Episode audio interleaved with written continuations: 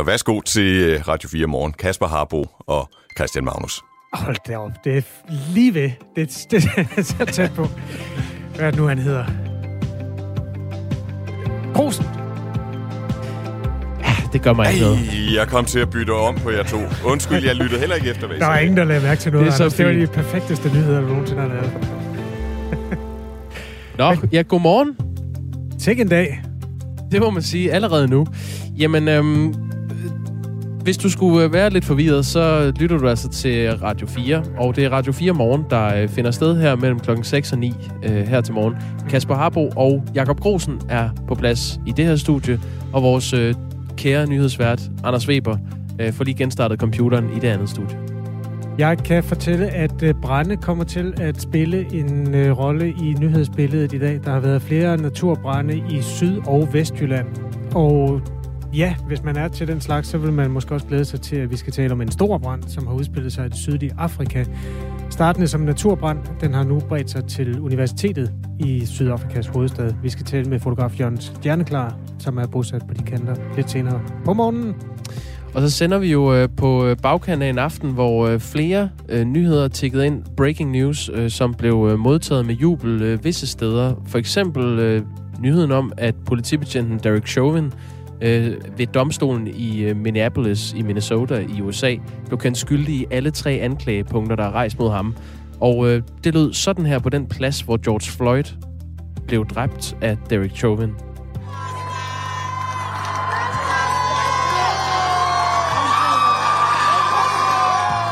Så er der også øh, nyheden om, at øh, den meget omdiskuterede Super League nok bliver lagt i graven. Det kan vi godt sige, kan vi ikke det? Vi kan i hvert fald sige, at der er ved at være så få hold med, at de skal møde hinanden utrolig mange gange. De seks engelske hold, der ellers havde annonceret, at de ville være med, ville ikke være med alligevel. De har hørt på vandrørene, at det var noget, fansen ikke brød sig om. Ja, og det må man tage for gode varer, fordi der var i hvert fald mange fans, der var dukket op foran øh, fodboldklubben Chelsea's stadion Stamford Bridge i London, og det lød sådan her. Det var næsten det samme. Fuldstændig. Jublen vil øh, ingen ende tage, og det, det er jo nærmest som om, der ikke er corona foran Stamford Bridge. Hvis man har boet øh, nogle dage under en sten, og bare lige tændt for radioen her klokken 5 og hørt genudsendelsen af 4 på foden, og fik et chok, da man hørte om den der Super League, øhm, så skal vi lige sige, det var altså et pro- program, der blev produceret i forgårs. Vores kollega Dan Grønbæk lavede øh, 4 på foden, da historien var ny. Der, der sker noget hele tiden, og nu er den altså på vej i graven. Det, det er det, vi ved. Her i 2021, der kan man ikke genudsende nyhederne, fordi det ændrer sig hele tiden. Øh, det gør det også lidt med genåbningen, som jo er den store genåbningsdag i dag. Vi skal på bar, eller det skal Magnus Bang, den heldige kartoffel. Ja, vores rapporter bliver sendt ud. Øhm, der er også en del at, at tale om der. Det kommer vi også omkring. Ellers andet? Jeg glæder mig til, at vi skal øh, på en eller anden måde have samlet 7 millioner kroner ind, fordi jeg har fundet et nyt sted, vi skal sende radio fra. Det kommer vi til. Nå, Godmorgen og velkommen til. Jeg hedder Kasper Harbo, og du hedder hvad er det, Christian. Jakob Grosen. 8 minutter over 6 er klokken blevet. De sidste dage har naturbrænde hervet skove og hede i Syd- og Vestjylland. I weekenden var det et lille kogeapparat, der var skyld i en større brand på Randbøllehede, som ligger ved Bilund i det midtjyske, da fire venner ville lave sig en kop kaffe, da de var på udflugt. Mandag var den så galt igen, da et stort naturareal ved Varde brændte. Bjarne Nigård er sekretariatchef i Danske Beredskaber. Godmorgen. Godmorgen. Jeg synes, det har været regnvejr i et halvt år i træk. Hvorfor er der øh, naturbrænde lige nu? Ja, det har du sikkert ret i. Regnvejr og corona følges åbenbart ad, øh, og computerproblemer. Ja. Altså, jeg tænker, øh, at mange måske bliver overrasket over, at det er en kombination af årstiden, og så lige det vejr, vi har haft, øh, skal vi kalde det en uges tid øh, nu. Øh, det er forår, og det betyder også, at planterne derude, de er ikke i fuld vækst endnu. Altså min bøgehæk ved for eksempel ikke endnu, at den er sprunget ud, fordi den står stadigvæk og har sådan lidt brune, tørre blade fra sidste år. Den har ikke trukket vand op fra, øh, fra jorden endnu, og er ikke sådan helt sprunget ud. Så den er faktisk tør. Og når så vejret har været, som det lige har været den sidste uges tid, altså øh, tørt, lidt blæsende, og også med noget sol, så der giver varme, ja, så den kombination, det er faktisk med til at skabe en meget tør natur, der meget let går i brand. Jeg kommer lige med et lille resume. Altså, det er jo særligt det midt- og vestjyske område, som har været plaget af naturbranden. Mandag rykkede brandvæsenet ud til en skovbrand ved Silkeborg. Tirsdag var der ild i naturen ved Fældborg og Skærn, længere mod vest. Så var der altså den her store brand, der hervede Brandbølle Hede i Midtjylland i weekenden. Trekantområdets øh, brandvæsen sendte mere end 20 brandkøretøjer og 50 brandfolk til stedet, og det tog flere dage at få slukket den brand. Har du et godt råd, øh, Bjarne Nigård, sekretariatchef i Danske Beredskaber, til hvordan man undgår at lave sådan en brand? Altså det, det helt banale er jo, lad nu være med at, øh, at bruge åben ild, fordi så er der i hvert fald ikke nogen risiko for, at den der lille gnist, den laver rigtig store ulykker, som, som vi har set på Randbølhed. Øhm, Men er det ikke meget hold... restriktivt at afskaffe jo, åben ild? Jo, jo, jo, jo, bevares, bevares. Øhm, der er rigtig mange steder, når man bevæger sig rundt ude i, øh, ude i naturen, så er der sådan nogle indrettede pladser til, at man kan tænde bål eller grille, eller i det hele taget bruge åben ild. De er simpelthen skabt til det. Og det betyder også, at der er den rigtige afstand til bevoksning. Og er der ikke sådan nogle steder, jamen så hold afstanden.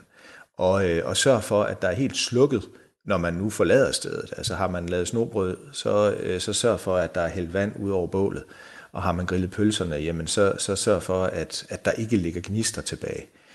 Hvis det blæser og er tørt, så lad være med at tage chancer med det, fordi sådan øh, en, en, et vindpus kan faktisk føre øh, en gnist rigtig langt væk og den halve liter vand i, i drikkedunken, den er god at have klar. Altså, øh, hvis der sker et eller andet, så kan, så kan selv en halv liter vand faktisk være en rigtig god idé, hvis man, hvis man gør det hurtigt. Men hvis man ikke når det, så kan det blive noget, noget ballade, ikke? Jeg fik fortalt altså, så lidt siden, at en af brændene startede ved, at fire venner skulle have sig en kop kaffe. Kender ja. du den sag i enkeltheder, hvad der ja, gik det, galt præcist? Lige præcis. Altså, øh, de fleste, der, der har været på campingtur eller, eller kanotur, måske været spejder, de kender det, der hedder en trankia, altså sådan en lille kogeapparat, der består af en, af en gasflaske, og ovenpå det sådan en holder, man kan stille sin, øh, sin kop eller, eller sin gryde ovenpå. Er det ikke spritapparat? Og, og, ja, ja det, det, det kan nemlig tændes ved enten gas eller, eller sådan en lille sprittablet. Hmm. Og det var sådan en, man, man gerne lige ville varme et kaffe på. Øh, og problemet var jo så altså, at der var en gnist, der, der røg et forkert sted hen. Øh, og det førte så, som du rigtigt sagde, til, at øh, man skulle have op til 50 øh, brandbiler afsted øh, med folk i, øh, for at få det her, øh, for at få styr på det. det. Det er altså noget af en omgang, så man skal tænke sig om. Det går lige pludselig rigtig stærkt ud. Lidt senere på morgen skal vi dække en naturbrand, der udspillede sig i Sydafrika, eller udspiller sig vist nok stadigvæk. Jeg tror, det, og den har jo fået fat, det startede i, som en naturbrand som har bredt sig til blandt andet universitetet, og der er sådan et historisk bibliotek, der også er futtet af.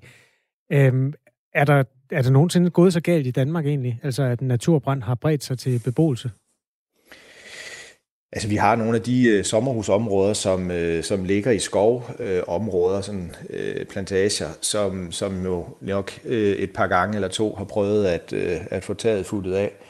Men vi har jo ikke lige så store naturarealer øh, herhjemme på de her breddegrader, som man har i Sydafrika og Australien for den sags skyld, hvor de også havde rigtig store brænde sidste år.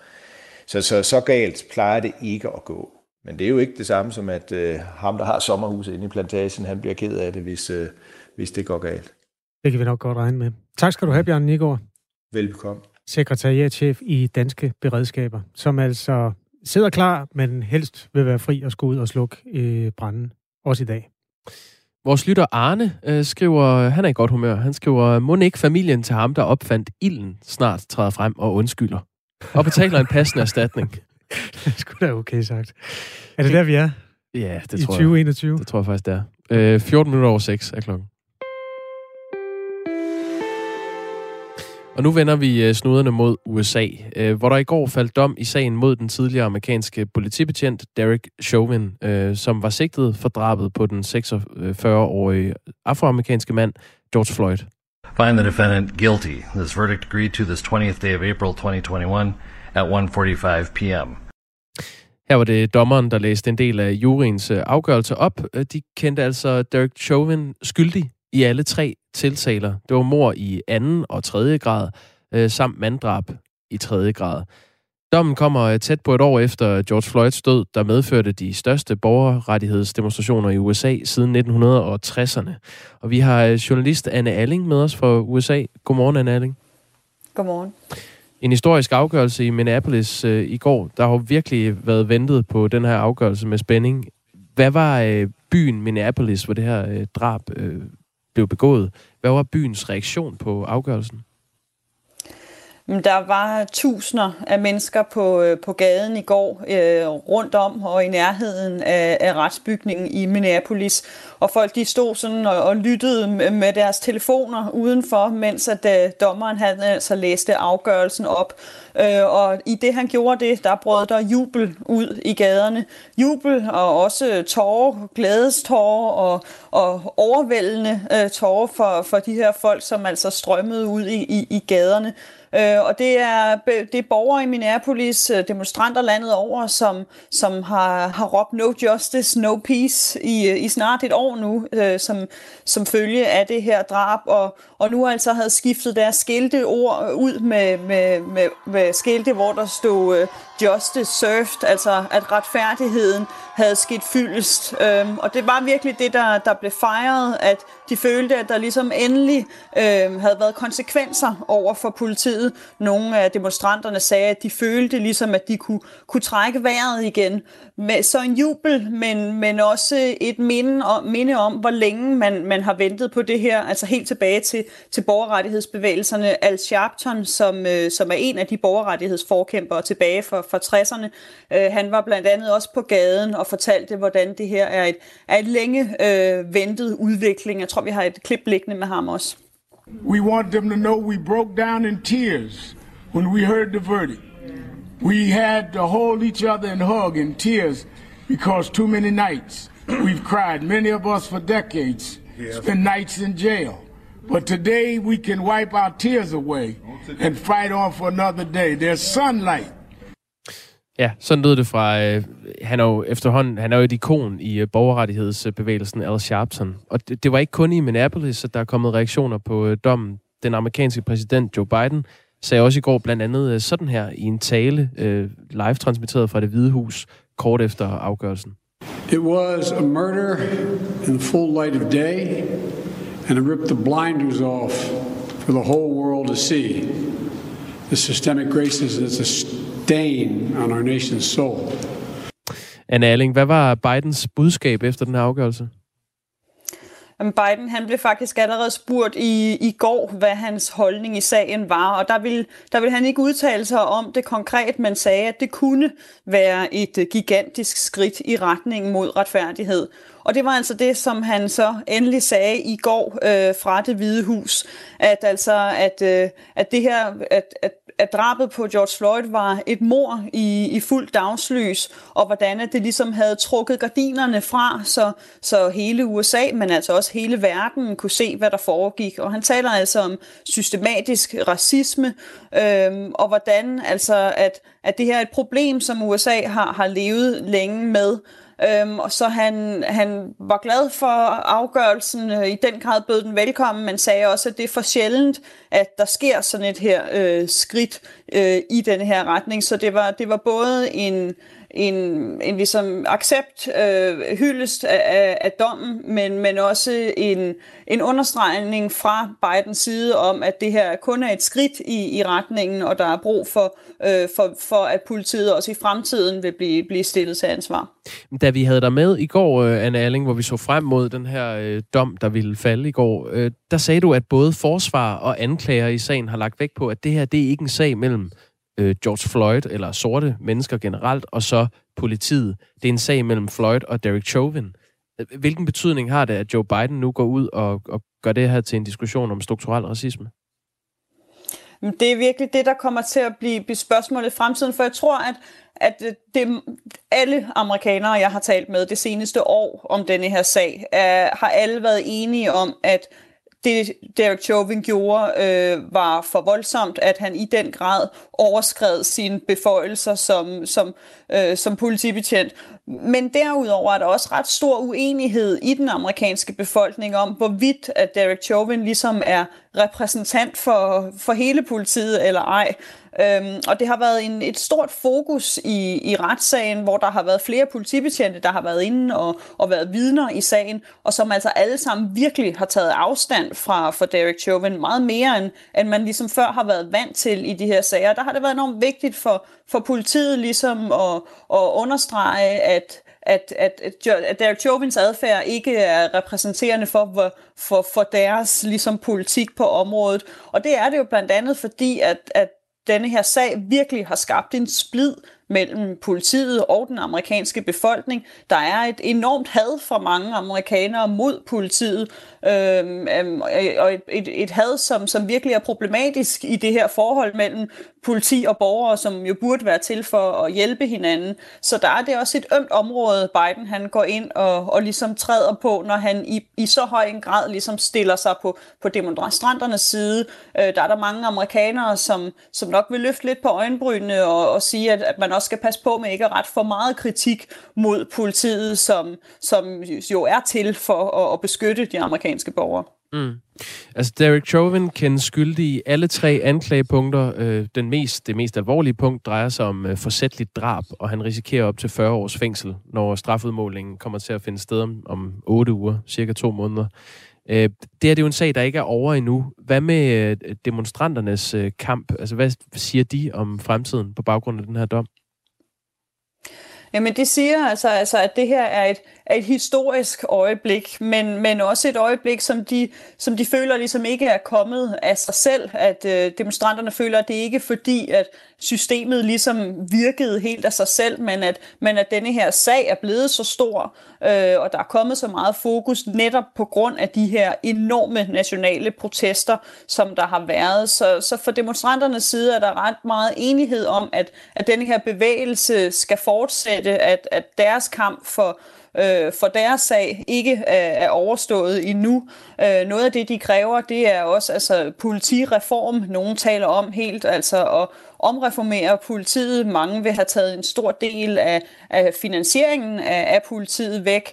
Øhm, og det er også en, en diskussion, som kommer til at skulle tages øh, politisk. Demokraterne de har et lovforslag lige nu, der hedder George Floyd Justice in Policing Act. En reform, som de vil have igennem kongressen, hvor de blandt andet vil, vil gøre det nemmere at stille politiet til ansvar og overvåge politiet mere. Øh, det er en, et lovforslag, som kommer ind i en hård kamp i, i kongressen. Så, så det her det er helt sikkert på en måde et punktum øh, for, for både demonst- for demonstranterne, men, øh, men et, kun et punktum i et noget længere kapitel, øh, som, som hverken ligesom er overstået for demonstranterne eller fra politisk side. Anne Alling er journalist i USA og var med her i Radio 4 morgen. Jeg har på fornemmelsen, at det kommer til at ske inden for en øh, nær fremtid igen, Anne Alling. Tak fordi du var med. Velbekomme. 22 minutter over 6 er klokken blevet.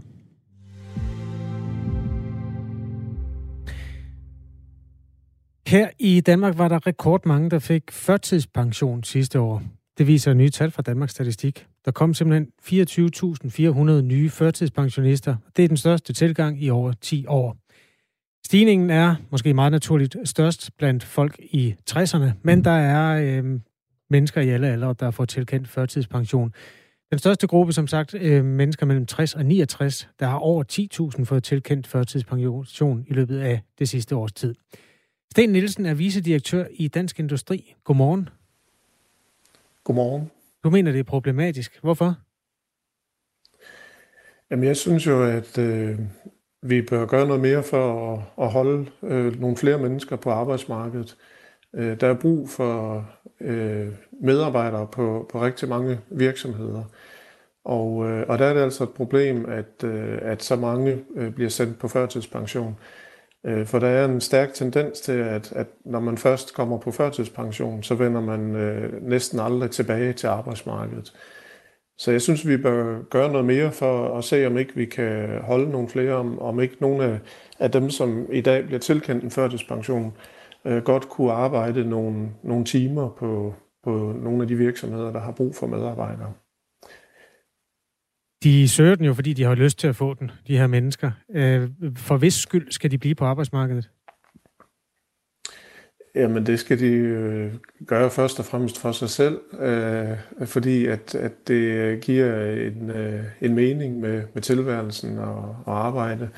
Øh, og så, øh, så skal vi jo som samfund også øh, have den prioritering, fordi det, det er bedre samfundsmæssigt, at, at der er nogle flere mennesker, der, der arbejder og, og, og tjener penge og, og dermed bidrager til samfundet. Men øh, det er klart, at, at øh, der er helt sikkert også øh, mange mennesker, som, som ikke kan arbejde mere. Mm. Og for dem skal der være en førtidspension. Det, det er jeg helt øh, enig i. Øh, vi, vi har et velfærdssamfund, hvor, hvor det skal være sådan, at, at dem, der ikke kan mere, de øh, har et, øh, et godt alternativ i, i at kunne få en førtidspension. Øh, så det er ikke det er ikke dem, vi taler om, som, som slet ikke kan arbejde med. De, de skal naturligvis øh, kunne få en førtidspension. Men, øh, men vi taler om dem, som, som godt kan arbejde nogle få timer. Mm. Eller, og, og, og måske også nogle af dem, som øh, på et tidspunkt har fået en førtidspension, men som så går hen og får det bedre efterfølgende, og, øh, og får lyst til at, at arbejde igen. Øh, dem ser vi meget sjældent vende tilbage til arbejdsmarkedet, og, og det burde vi øh, nok i højere grad øh, åbne nogle muligheder for, at, at de kan.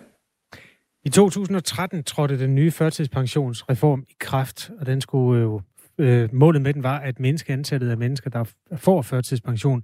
Det virkede i nogle år, men øh, som sagt, altså en stigning igen, og sidste år kom der 24.400 nye førtidspensionister. Øhm, og dermed er man faktisk op på et større antal end før reformen, som skulle nedbringe tallet. Øhm, vi, har ned, vi har talt med chefanalytiker Emilie Dam fra Arbejderbevægelsens Erhvervsråd. Hun har et forslag til, hvordan man kan løse problemet med, at flere får førtidspension. Den allerbedste løsning ville jo være at forbedre arbejdsmiljøet, så der ikke var nogen, der blev nedslidt, øh, og dermed ikke lige så mange, som, som stod i det her dilemma før, øh, før efterlønsalderen og før folkepensionsalderen, hvor de i virkeligheden er for slidte til at gå på arbejde, men ikke syge nok til at få en, øh, en førtidspension. Så jeg tror, det, det allerbedste, øh, vi kan gøre, også på længere sigt, det er at investere i arbejdsmiljøet.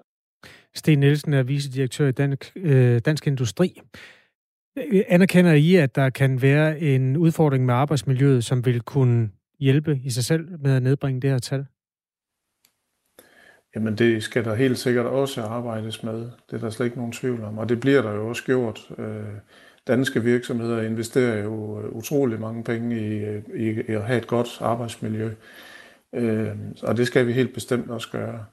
Men der er jo mange årsager til, at, at folk får en øh, førtidspension. Det, det kan også have øh, mange ting at gøre med noget, der ikke øh, skyldes arbejdet. Så så jeg synes jo bare, at vi, vi skal generelt øh, have et system, hvor, hvor vi tilkender de førtidspensioner, der, der skal tilkendes i, i de tilfælde, hvor, hvor folk ikke øh, har nogen arbejdsevne tilbage. Øh, men samtidig et system, der er smidigt nok til, at, at dem, der har en, en vis arbejdsevne, og måske kan arbejde nogle timer om ugen, at de kommer til det og, og får en, en reel mulighed for det.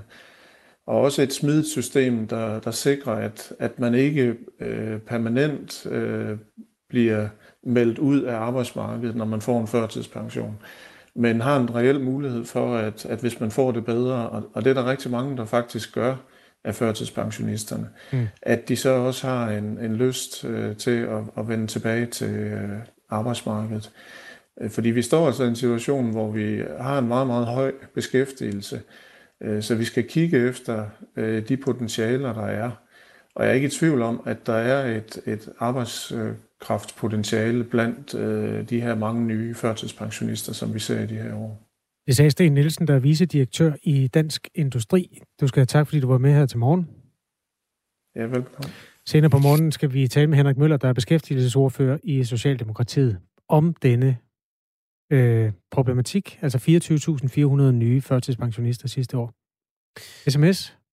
Mange. Øh, blandt andre fra Christian Rasmussen. Han skriver, er det dansk industri, som laver socialpolitikken i Danmark? Nej, nej det, vel? Når han svarer selv. Ja, nej vel, skriver han. Okay. Retorisk spørgsmål. Nej. Øhm, de får da ikke førtidspension, fordi de har lyst, men fordi de har brug for den. Så nemt er det heller ikke at få førtidspension, er der en, der skriver. En anden skriver, det giver mening at være på arbejdsmarkedet. Jeg gik på efterløn som 62-årig. Det var en total fejlbeslutning. Jeg savnede at være med i et arbejdsfællesskab. Jeg har tilknytning til arbejdsmarkedet, og der er stadig styr på arbejdsmiljøet i Danmark. Og deltid er ret til stadigvæk at bidrage efter evne. Det er faktisk meget fedt sms. Den kunne vi måske godt lige ringe på, eller et eller andet. Så bare lige for Ja, det, det kan vi lige spørge til, om vedkommende har lyst til at være med. Klart. Sila skriver, i ja, lad dem bare, da bare arbejde. Min storebror har fire forskellige diagnoser med angst, og kan knap nok komme ud af døren, og kan ikke besøge familie. Kommunen har kastet ham rundt i systemet i næsten 12 år, fordi han skulle jo bare tage sig sammen. Alle, der har hjulpet og behandlet ham, siger, at han aldrig vil komme på arbejdsmarkedet, men kommunens folk ved åbenbart bedre. Hvor er det dejligt, at øh, der sidder mennesker, som allerede nu kender reglerne for, hvordan man skriver en sms til os. 1424 er nummeret, og så kan man eventuelt starte med R4 og et mellemrum. Nu er Anders Weber klar med nyhederne. Klokken er halv syv.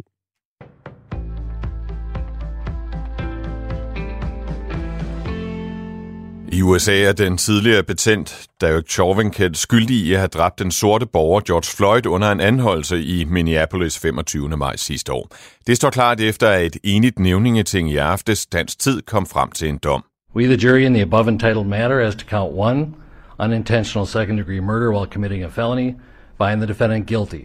This verdict agreed to this 20th day. Chauvin kendes skyldig i alle tre anklagepunkter, hvoraf det mest alvorlige drejer sig om drab, han risikerer op til 40 års fængsel, når strafudmålingen vil finde sted om cirka to måneder. Afgørelsen blev mødt med store jubelbrøl af hundredvis af mennesker, der i løbet af dagen havde forsamlet sig foran retsbygningen. Drabet på George Floyd har ført til store protester i USA under navnet Black Lives Matter, der siden spredte sig til resten af verden, og bevægelsen kæmper mod politivold og racemæssig ulighed.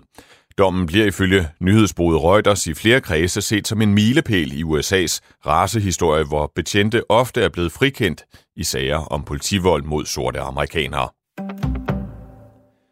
I dag tager Danmark endnu et skridt mod et mere normalt samfund, når blandt andet barer og restauranter igen kan invitere gæster indenfor. Der er dog en stribe krav, øh, før man kan sætte sig til bords, og et af dem er et coronapas, for eksempel med en frisk negativ coronatest. Og det lægger pres på testfaciliteterne, og derfor skrues der nu op for kapaciteten, oplyser Styrelsen for Forsyningssikkerhed. Der tilføjes yderligere 100.000 lyntester. Det betyder, at der i alt kan testes 570.000 personer om dagen med PCR og lyntest. Hele Danmarks befolkning kan altså blive testet for covid-19 på halvanden uge. Det siger styrelsens direktør, Lisbeth Silmer Johns. I, i styrelsen øh, følger vi dagligt øh, hvordan efterspørgselen er rundt om i landet, om de har kapacitet nok. Men som udgangspunkt, øh, så er det i hele landet, at, at man går op. Og i går registrerede Statens Serum Institut, at der blev lavet lige knap 210.000 lyntest. EU-forhandlere har indgået en aftale om nye klimamål. Det oplyser embedsmænd fra Europaparlamentet og det europæiske råd til nyhedsbruget DPA her til morgen. Parlamentarikere og medlemslande er således blevet enige om at reducere CO2-udledningen med mindst 55 procent inden 2030. Og det er en markant forskel fra det nuværende mål, der lyder på en reduktion på 40 procent sammenlignet med 1990-niveauet. Udbryderligaen Super League vil overveje de næste skridt for at ændre projektet efter at alle engelske klubber har trukket sig fra turneringen. Det oplyser ligaen i en erklæring i nat dansk tid. Udmeldingen kommer efter, at samtlige engelske hold, der var med, det var seks stykke i alt, i aftes annoncerede, at de trækker sig fra den planlagte turnering.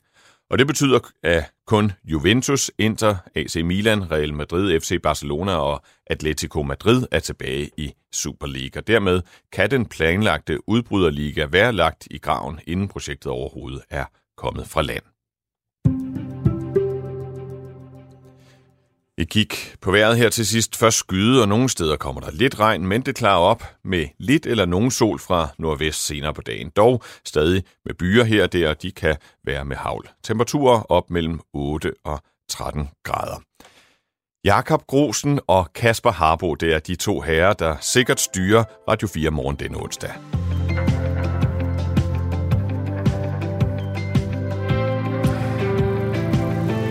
Det er godt set. Øh, høj troværdighed i nyhederne. De kommer igen klokken 7. Anders Weber tænder grillen.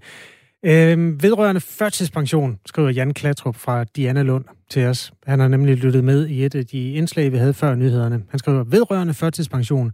Min bror har PTSD i svær grad og kan ikke bare få førtidspension. Du kan heller ikke få flexjob som murer, fordi det er der, han er slidt ned. Systemet hænger slet ikke sammen, skriver Jan til os i en sms til 1424. Og det er faktisk meget fedt med den type input. Som sagt skal vi tale med Socialdemokraternes arbejdsmarkedsordfører kvart over syv ish. Så kom bare med flere af dem.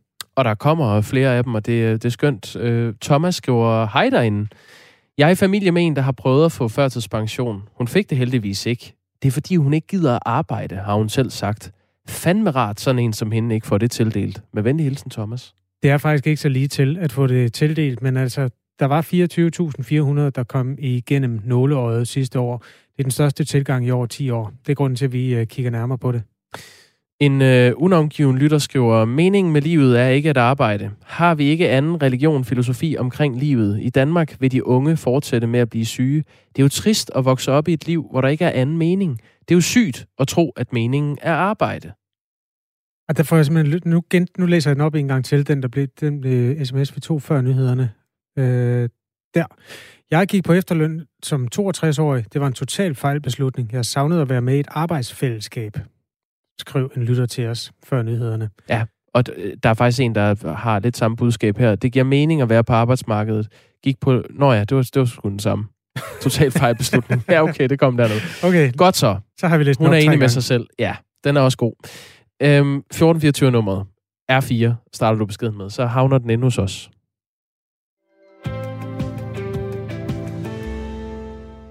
Det store medicinalselskab Johnson Johnson genoptager nu sin vaccineudrulning i Europa. Det oplyser selskabet i en pressemeddelelse.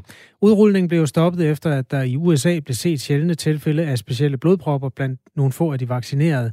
I går holdt det europæiske lægemiddelagentur EMA pressemøde, efter at vaccinen var blevet undersøgt. Selvom man kunne fortælle, at der er en mulig sammenhæng mellem vaccinen og de her sjældne tilfælde af blodpropper, så fastholder man i det europæiske lægemiddelagentur, at fordelene ved vaccinen opvejer risikoen. The careful review of the cases and other available evidence have led the committee to the conclusion that these blood clotting disorders are very rare side effects of the vaccine. Dr. Sabine Strauss førte ordet her ved EMA's pressemøde. Nu skal vi tale med Camilla Fode, der er professor i vaccinedesign og levering ved Københavns Universitet. Godmorgen. Godmorgen. Godmorgen. Både AstraZeneca og nu Johnson Johnson-vaccinerne har haft blodpropper som bivirkning. Er man kommet nærmere en årsag til den bivirkning? Ja, det er man faktisk ikke. Man, man, man kender stadigvæk ikke årsagen. Det er et, øh, immunrespons. Øh, man ved ikke rigtigt, hvad det er, der giver det her immunrespons, men, men det ser ud som om, det er, det, det er ens øh, bivirkninger her. Den samme mekanisme. Hvor meget forhistorie af den type findes der inden for blodpropper og vacciner? Altså er det noget, man har set med andre vaccineprogrammer?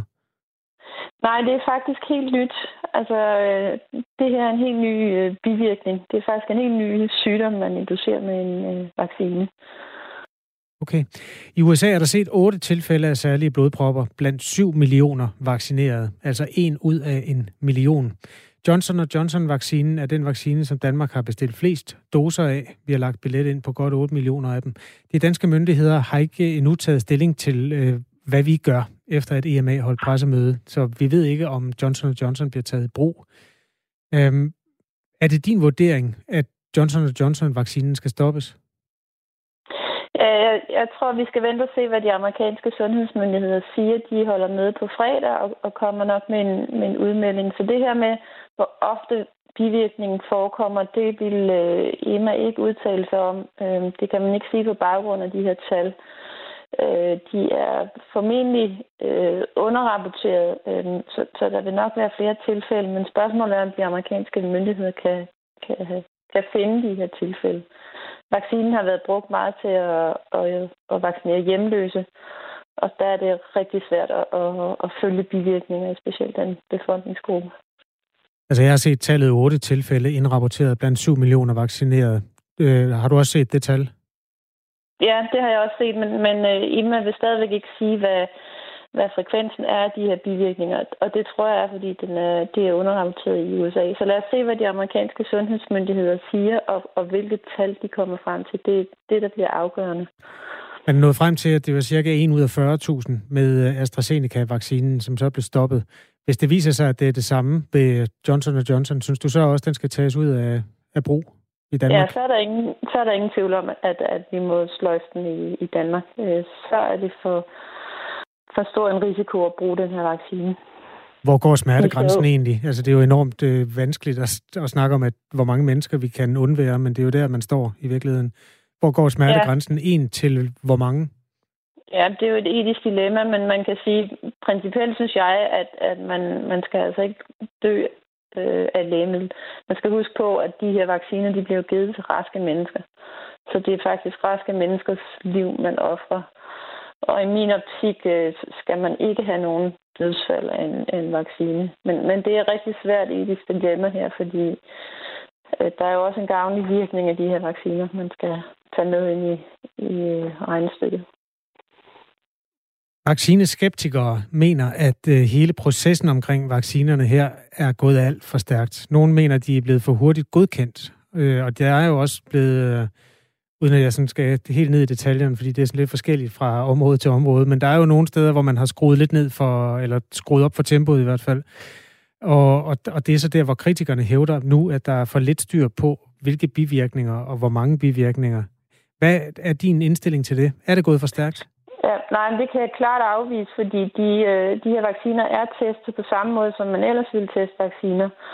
Og i de her kliniske studier vil man aldrig opleve, at man vil aldrig opdage de her meget sjældne bivirkninger. Dem ser man først, når man, når man bruger vaccinen i, øh, i en større befolkning. Så en ud af 40.000 for eksempel, dem vil man ikke se i en, en, øh, et klinisk studie. Øh, de vil i hvert fald ikke forekomme ofte nok til, at man kan, kan konkludere, at det er en bivirkning. Så det kan jeg klart afvise. Okay, så altså forløbet har i virkeligheden været godt nok. Er det din indstilling? Ja, og det her kan faktisk ske for, for et hvert lægemiddel. Når man tager det i brug, så finder man ud af, at der er de her sjældne bivirkninger. Og, og af og til fører det til, at man, man trækker lægemidlet øh, fra markedet. Så, så, så det er faktisk helt normalt for lægemidler, kan man sige. Okay. Øhm, jeg ved faktisk ikke, om du fik svaret på, om Johnson Johnson skal stoppes efter din øh, mening med det, vi ved nu. Har, har du taget stilling til det, sådan bare på det personlige plan? Det er jo ikke dig, der skal afgøre det, men har du, har du tænkt, hvad du egentlig mener om den sag? Ja, ja altså jeg har jo det her etiske synspunkt af, at, at man ikke, at raske mennesker skal ikke dø af en, af en vaccine, så, så jeg vil jo nok tage den af markedet, hvis det var mig, der var Søren Brostrøm, må jeg sige. Det sagde Camilla Fode, som er Camilla Fode, og ikke Søren Brostrøm. Tak skal du have. Selv tak. Professor i vaccinedesign og levering ved Københavns Universitet. Klokken er 18 minutter i syv. Og øhm, det kan være, at vi lige skal sætte en skiller på, og så se lidt på, hvad er det egentlig, der åbner i dag? Genåbningen øh, 8.0. Jeg elsker, når du annoncerer, at folk skal lytte til et stykke af vores lyddesign. Jamen, så kan jeg sidde og vælge. Vi kan tage den her, den lange. Mm, gør det.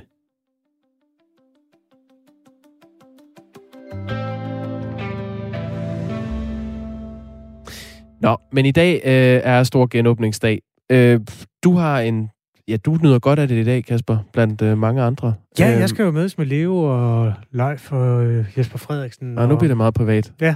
Hvad, hvad skal I lave? Vi skal bare lige drøfte, hvordan vi kommer i gang med at spille øh, Danmarks Serie Dart igen, hvis vi gør det. Mm. Og hvad, altså, der er ikke en skid at drøfte i virkeligheden, fordi man I skal, skal drikke kaste... bajer. Ja, sådan er det. Ja. Men øh, vi har et øh, bord 14.30, om alt går vel. Det er jo helt vanvittigt at sige det, men det har vi altså på Solbjerg Bodega. I har bestilt bord. Ja, det har vi nemlig gjort. Det er sagen af den, at Jesper er bartender samme sted, så det er til at arbejde med. Det er ret tid i omhu. Men, men, men ved du hvad? Altså i øvrigt, nu hvor Super League formentlig dør, og hvor jubelbrølene breder sig, Mm-hmm. jeg tror, vi skal have en sweepstake øh, blandt øh, Radio 4 Morgens lyttere på, hvor længe den her 30-minutters regel, den eksisterer. Kunne vi, kunne vi lave en konkurrence? Altså, man skal simpelthen skrive et, et, en sms ind. Hvor længe, altså på hvilket tidspunkt annoncerer Simon Kollerup eller Mette Frederiksen eller en anden fra regeringen, at 30 minutters reservationsreglen på brune værtshuse afskaffes? Øhm, så kan man vinde en Radio 4-kop. Jeg tr- øh, må jeg sige, hvad jeg tror? Ja, det må du gerne. Jeg tror, det sker i dag. Og det er altså selvom øh, erhvervsminister Simon Kollerup, var det i går, han sammenlignede den her 30-minutters regel med en vej. Det er en sjov En analogi. vej? Ja, nu skal du høre. Du kan sammenligne det med en vej. Der er også nogle bump, som gør, at du ikke kommer til at køre for hurtigt. Og det bump er vi nødt til at have i 14 dage, indtil vi forhåbentlig kan åbne helt op. der skulle da også veje, hvor der ikke er nogen bump på. Har du nogensinde kørt på motorvej, for eksempel? Jo, jo. Men øh, de veje, hvor du må køre sådan 30-40 km i timen. det er sådan en vej, vi kører på nu. Altså, det er selvfølgelig faktisk et meget godt billede på, at vi er ved at langsomt sætte op i fart. Det kan jeg godt forstå. Ikke desto mindre, så spår jeg ikke den her 30 minutters brunt værtshus reservationsregel nogen kæmpe gylden fremtid. Hvis du vil deltage i øh, konkurrencen om at gætte, hvornår den afskaffes, så skal du skrive dato, tidspunkt og dit navn i en sms, som du sender til 1424. Konkurrencen er åben nu. Kim har bestilt øh, bord på Resteplads, Skærup Resteplads på E45 kl. 12.30, så det kører han efter dyt dyt for Kim. Jamen, så kan vi da lige, hvis jeg er på de kanter, Skæv Bræsteplads, det er syd for Vejle et eller andet sted, tror jeg. Øh, ellers så, Kim, han, der er kaffe på kanden der.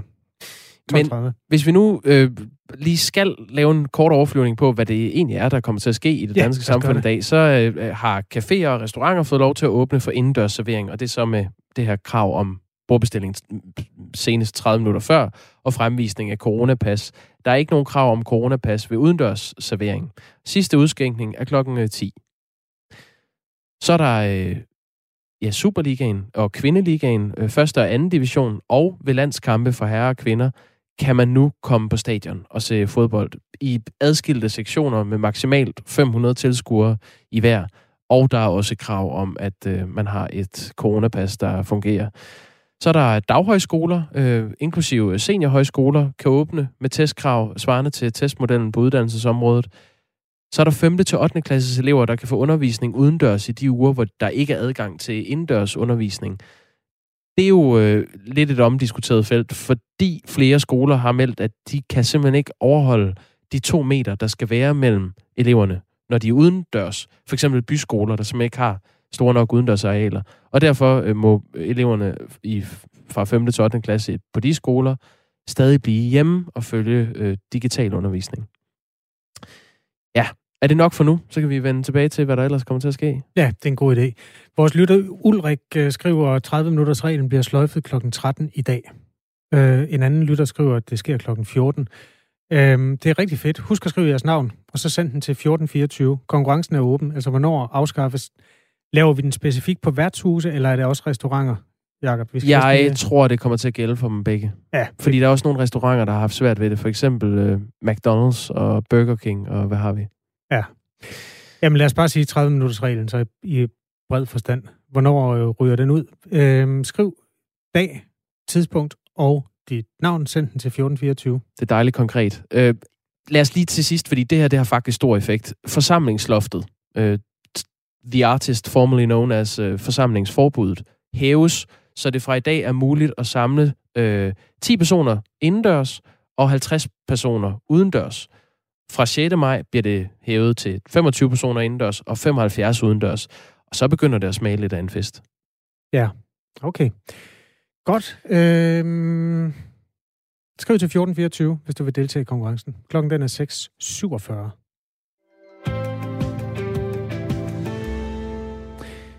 De engelske fodboldklubber øh, kunne godt høre, hvad det var for en type buller og brag, der lød på vandrørene, da man annoncerede, at man ville lave en kæmpestor kommersiel fodboldliga for et sluttet selskab. Det var det, der hed Superliga, jeg siger hed i datid, fordi de, de seks engelske klubber, som var med til at føde ideen, de har nu trukket sig fra turneringen. Det har de skrevet på deres respektive hjemmesider. Sune Bang er kommunikationsrådgiver og branding-ekspert. Godmorgen, Sune Bang. Godmorgen. Øh, jeg tror, de fleste har opdaget, at det her det var enormt tumultarisk. Altså, nogle rige mennesker går ud og siger, at vi laver noget, der skal gøre os endnu mere rige, og så er der en masse mennesker, der ikke er rige, der siger, at det skal I fandme ikke. Og så øh, sker der så det, at det siger de, jamen, så lader vi være. Hvad, hvad synes du om det forløb? Hvordan oplever du det? Altså, det, er jo hvert, det er jo i hvert fald den opfattelse, vi har af, af forløbet, at uh, der står nogle grådige klubber, eller nogle meget, meget, meget pressede klubber. Altså, de har jo økonomiske problemer, rigtig mange af klubberne. Og så har de i deres eget lille elfenbenstårn øh, øh, vurderet, lavet en markedsanalyse. Det, det er jo en gammel idé, det her, der sådan, der skulle modnes igennem mange år. Og så har de tænkt, yes, det her det er det rigtige at gøre lige nu. Og så har de fuldstændig fejllæst øh, altså hele, hele verden omkring dem. Altså fra deres fans til deres sponsorer, til øh, politikere, Macron og Boris Johnson, øh, til UEFA og FIFA ikke mindst, øh, hvor de bare er med en handlekraft fra UEFA i FIFA, som man måske godt kunne øh, ønske sig var lidt større i forbindelse med Katar. Men så, så har de bare sagt med det samme, I bliver kylet altså 100% ud af alt, hvad der har med noget at gøre. Altså det har været, I kommer ikke til at spille på landshold, I kommer ikke til at, og jeres kontrakter bliver revet i stykker, klubberne bliver smidt ud af øh, Champions League. Altså det er jo det, er det, det, det, det, man bruger begrebet selvmål. Altså det, det må det betegnes som, det her. Sune Bang, når du øh, nævner det med Katar, og man måske kunne have ønsket en, en øh, større handlekraft fra øh, ja. UEFA og, og FIFAs side i, i den forbindelse, tror du så, at det her med Super League og den modstand, der har været fra øh, de store fodboldorganisationer, tror du, den øh, bunder i en øh, sådan romantisk kærlighed til, til fodbolden? Eller mm. handler den mere om, at man har været bange for at miste Champions League som en stor økonomisk øh, motor i UEFA? Altså, jeg, jeg, jeg tror i høj grad, at, øh, at det her, det øh, sætter rigtig mange tanker i gang omkring, øh, hvad er fankultur egentlig for noget. Altså, der har siddet rigtig mange fans, flere af mine venner, der har sagt, at jeg kan da ikke være fan af Liverpool. Øh, det har været hele mit liv. Så bliver jeg QPR i stedet for, øh, fordi det her, det, det kan jeg ikke stå inden for. Øh, borgmesteren i, de, øh, i Liverpool havde sagt, at de ikke måtte bruge deres navn, og så ville de starte et nyt hold. Altså, der, de er bare blevet, de, de er simpelthen blevet kritiseret fra alle sider simpelthen om, omkring det her. Og, og nogle af de her opfattelser, vi har af fodbold, som den her romantiske øh, øh, folkelige, fanedrevet øh, sportsgren, øh, der, der, der er der nogle af de her ting her, der nu pludselig kommer frem. Og det vil sætte gang i nogle diskussioner om, hvorfor kan man ikke også træffe sådan nogle beslutninger i forbindelse med Katar? Øh, hvad er fankulturen? Hvor mange hvor, hvor meget af det her i virkeligheden drevet af økonomi, øh, hvor at man ikke rigtig øh, som fan har den her betydning, som man for eksempel har i Tyskland. Man så det jo også bare, at München har jo ikke meldt sig med, øh, fordi man måske nok har læst kortene lidt bedre end, end de rent økonomiske kort, de har forsøgt at læse her. Ja. Altså nu kan det jo sådan set være lige meget, hvilke tanker de havde tænkt sig, da de gik ud med det natten til mandag dansk tid. Men alligevel kunne det være meget interessant, øh, hvis du ved det. Altså, hvad fik dem til at tænke, at det er et skidegodt tidspunkt at gå ud med den idé nu? Øh, jeg ved, altså jeg, jeg tror, at det her i høj grad der har, har altså jeg, jeg ved det jo ikke. Altså, og det er der jo mange, der sikkert sidder, sidder og stiller spørgsmål nu, hvordan man kan være det, altså øh, at tage den beslutning. Men altså, det her, det minder lidt om nogle af de ting, vi også nogle gange ser i erhvervsverdenen, hvor at man øh, pludselig fremstår som en, der udelukkende tænker økonomisk, og ikke tænker på, øh, på samfundet omkring en, og hvad kan man sige, de stakeholders, som vi kalder det, øh, der er omkring en, alle de interessenter, der er. Altså, hvis vi så det med Danske Bank for, for en del år siden, da de gik ud med New Normal-kampagnen, under dække af, at de havde læst, at verden havde forandret sig, finanskrisen havde været der, vi har brug for at tænke mere på øh, vindmøller og øh, same-sex og hvad det nu så alle de ting, de sagde, hele Occupy Wall Street-delen, som de også brugte i deres kommunikation. Og, og, og da man så så, at det i virkeligheden, at man brugte den romantiske opfattelse af virkeligheden, som du var inde på før, øh, op imod øh, økonomi, så, får man, så bliver man altså virkelig smidt over i, i skammekrogen.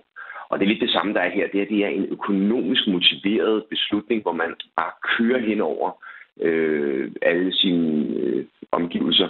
Og det har man så ikke kunnet gøre, fordi der har været nogle andre på den anden side, der har sagt, nu er det simpelthen nok det her.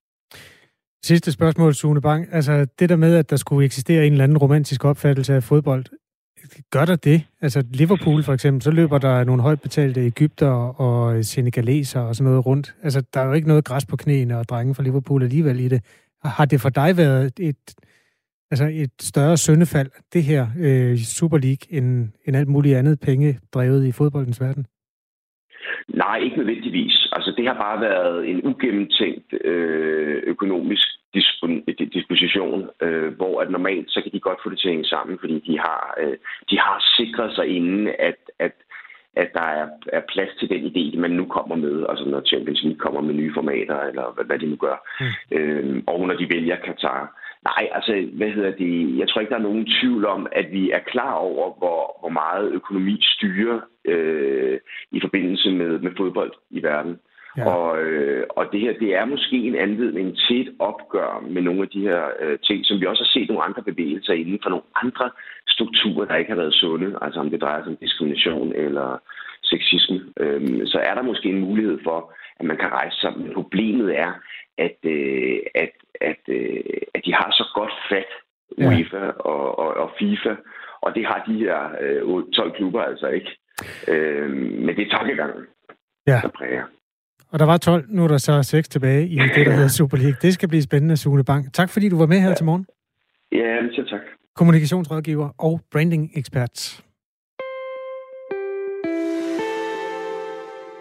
Forlystelsesparken øh, Dyrehavsbakken, også bare kendt som Bakken, er ramt af en shitstorm, og i øh, orkanens øje ligger et mundbind. Øh, det, det hele handler om sætningen, nu citerer jeg, Derudover skal alle over 12 år bære mundbind i bakkens forlystelser, spil og køer, også hvis man ellers er fritaget.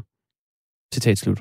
Og det er især den sidste del af sætningen, altså også hvis man ellers er fritaget, der har gjort nogle folk sure, og øh, nu er den del så blevet slettet på Bakkens hjemmeside. Ole Andersen er direktør for Bakken. Godmorgen. Godmorgen. Godmorgen. Hvorfor har I slettet den sidste del? Jamen, det har vi, fordi det har åbenbart provokeret en masse mennesker til at ringe til os og skrive til os øh, på sociale medier og gå ind på forskellige ratingsider og øh, shame os, kan man sige, på, på det her område.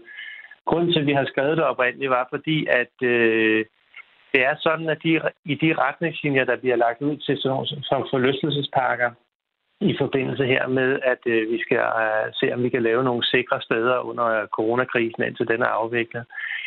Der står der, at det er op til de enkelte steder at fortolke, hvordan man vil disponere over de her retningslinjer. Vi er blevet pålagt de her retningslinjer fra, fra det offentlige, at øh, vi skal sørge for, at de gæster, der kommer på bakken, er øh, det er et sikkert sted at være og opholde sig. Det gælder både for os ansatte og for de andre gæster. Og der har vi der haft behov for at sige, jamen den måde, vi tolker det på på bakken, fordi øh, det er, at øh, vi insisterer på, at man skal have mundbind på, når man er indenfor. Øh, I bekendtgørelsen om mundbindskravet står der, øh, øh det er paragraf 3, Kravet om mundbind eller visir øh, gælder ikke personer med nedsat bevidsthedsniveau, fysiske eller mentale svækkelser eller andet, der gør, at de ikke er i stand til at bære mundbind eller visir. Hvorfor var det igen, at I mente på bakken, at folk, som er lovligt fritaget øh, fra at skulle bære mundbind, også skulle bære mundbind, hvis de skulle besøge bakken?